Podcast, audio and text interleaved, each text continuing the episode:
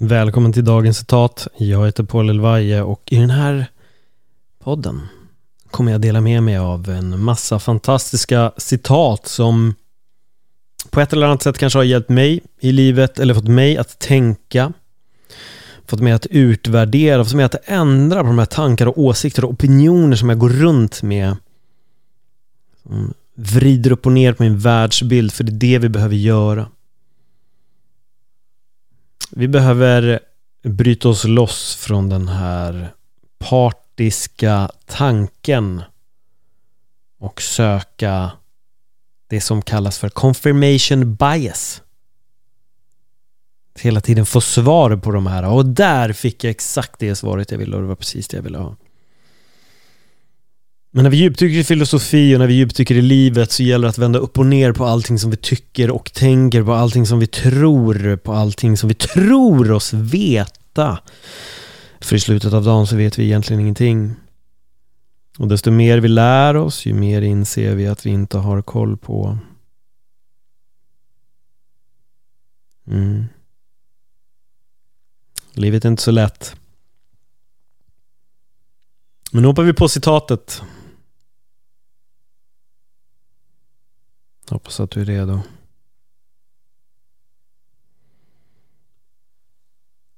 Jag bedömer dig olycklig eftersom att du aldrig har levt genom olycka. Du har gått igenom livet utan en motståndare. Ingen kan någonsin veta vad du är kapabel till. Inte ens du.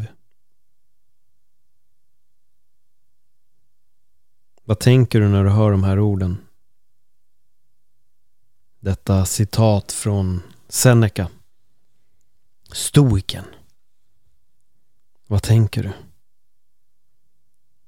Jag bedömer dig olycklig eftersom att du aldrig har levt genom olycka. Du har gått igenom livet utan en motståndare. Ingen kan någonsin veta vad du är kapabel till. Inte ens du. Inte ens du. Inte ens du. Vilken motståndare har du haft i livet och vilken olycka har du gått igenom? Vad har hänt efter det?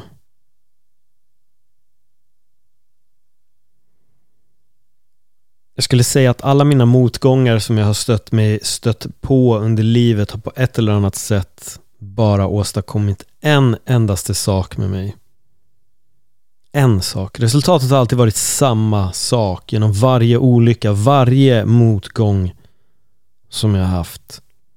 Varje motståndare som livet har gett mig har bara gjort en enda sak med mig. Jag undrar om du redan vet vad det är jag kommer säga. Men varje gång så har resultatet varit detsamma. Hur nedbruten jag än har blivit beroende på vilken typ av olycka det må ha varit eller vilken typ av motgång det än må ha varit eller vilken motståndare jag än har mött på vägen så har den alltid gjort mig starkare. Starkare. Den har alltid gjort mig starkare.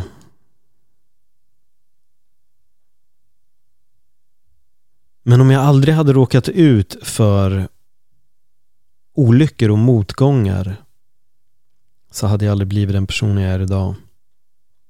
Och jag är rätt övertygad om att detsamma gäller dig. Att du vet att alla olyckor och motgångar du har gått igenom har på ett eller annat sätt gjort dig starkare. Sen beror det helt klart vad man har råkat ut för.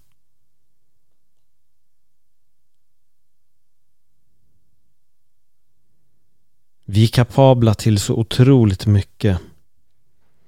Men det tragiska med oss människor, väldigt många av oss där ute, vi är också väldigt kapabla till att ge upp. Vi är väldigt kapabla till att bli nedbrutna. Att gå isär, att ge upp.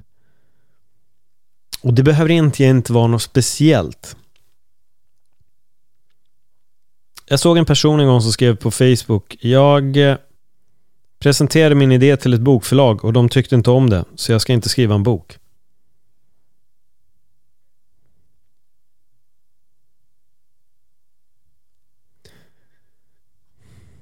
Det fanns inte mycket vilja att skriva om det var anledningen. Det fanns alltså ingen bok skriven utan det var en idé. Och han blev nekad på idén. Oftast blir du nekad på att du har skickat in ett helt manus. Det brukar vara standard men där var det. Det sägs att Stephen King fick över 150 stycken refuser på boken Carrie. Den första boken. Det sägs till och med att han ska bokstavligen ha slängt den i papperskorgen men att det var hans fru som fortsatte att skicka in den för hon trodde på den. Vi hade kunnat haft en värld utan Stephen King och hans 200 böcker, eller vad det nu är. Jag har många av hans böcker, jag har inte alla, men sist jag räknade så var han väl uppe i cirka 50 stycken. Men det var väldigt länge sedan, så han är nog uppe i 60 eller 70 stycken. Jag tror han snittar cirka två böcker per år.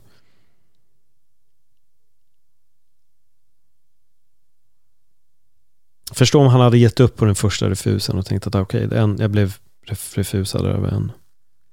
Återigen, det finns grader av de här olyckorna. Jag försöker bara ge de här lite fina, enkla, inspirerande berättelserna nu på att ibland behöver vi bara fortsätta. Och det gör oss starkare. Och som sagt, genom alla motgångar jag har haft, de tuffaste tiderna i livet som jag hade, allting var så mörkt. Det var bara jobbigt. Det var separation, det var dödsfall i familjen och det var massa jobbiga incidenter och jag jobbade på ett jobb som jag ogillade. Men helt plötsligt vände allting. Med dödsfallet av min mormor som gick bort så vände allt. Inom loppet av cirka två, tre veckor så hade allting ändrats. Vilket var galet. För jag kunde inte riktigt se en utväg i det här. Det här är många år sedan nu. Vi får backa väldigt, väldigt långt bak. Um, men det var en tuff tid och jag vet att jag tänkte där då, fan det här, det här kommer aldrig kunna vända. Men det vände. Det vände. Och idag kan jag titta tillbaka på det och se att jag lärde mig där att när det är som tyngst så kommer det ändå att vända. Det kommer till slut att bli bättre, vilket det alltid blir. Jag har gått igenom inte samma scenarios, men liknande scenarion senare och hur jobbigt det än har varit så har det alltid alltid löst sig. Man kommer alltid ut på andra sidan starkare på något konstigt sätt. Så jag förstår vad Seneca säger. Jag bedömer dig olycklig eftersom att du aldrig har levt genom olycka. Du har gått igenom ett livet utan en motståndare. Ingen kan någonsin veta vad du är kapabel till, inte ens du. Vi kommer alltid att stöta på olyckor eller motståndare och motståndaren, det får ni tolka exakt hur som helst. Det behöver inte, behöver inte vara en fysisk person som står framför dig med nävarna uppe utan det kan vara livet som kastar motståndare på dig i form av jobbiga stunder, jobbiga situationer, jobbiga tider, mörka tider. Men du kommer alltid att komma ut starkare på andra sidan. Om det här avsnittet påverkar dig på något sätt eller om du har en vän som du tycker borde lyssna på det här så tycker jag att du ska skicka det här till din vän i sådana fall eller lyssna på det igen om du känner att det var någonting som prickade dig och skriv gärna till mig på ett dagens citat podcast och dela. Det behöver inte bara vara det här avsnittet om det finns ett annat avsnitt som har påverkat dig med något citat som jag har delat eller någonting som jag har sagt här i så skriv gärna till mig. Jag hade uppskattat att höra från dig som lyssnar på det här för um, Ja, jag är nyfiken på vad ni som lyssnar tycker och tänker, kort och gott. Med det sagt så får jag väl säga tack för att du lyssnar, men kom ihåg att alla motgångar kommer bara göra dig starkare. Tack för den här gången.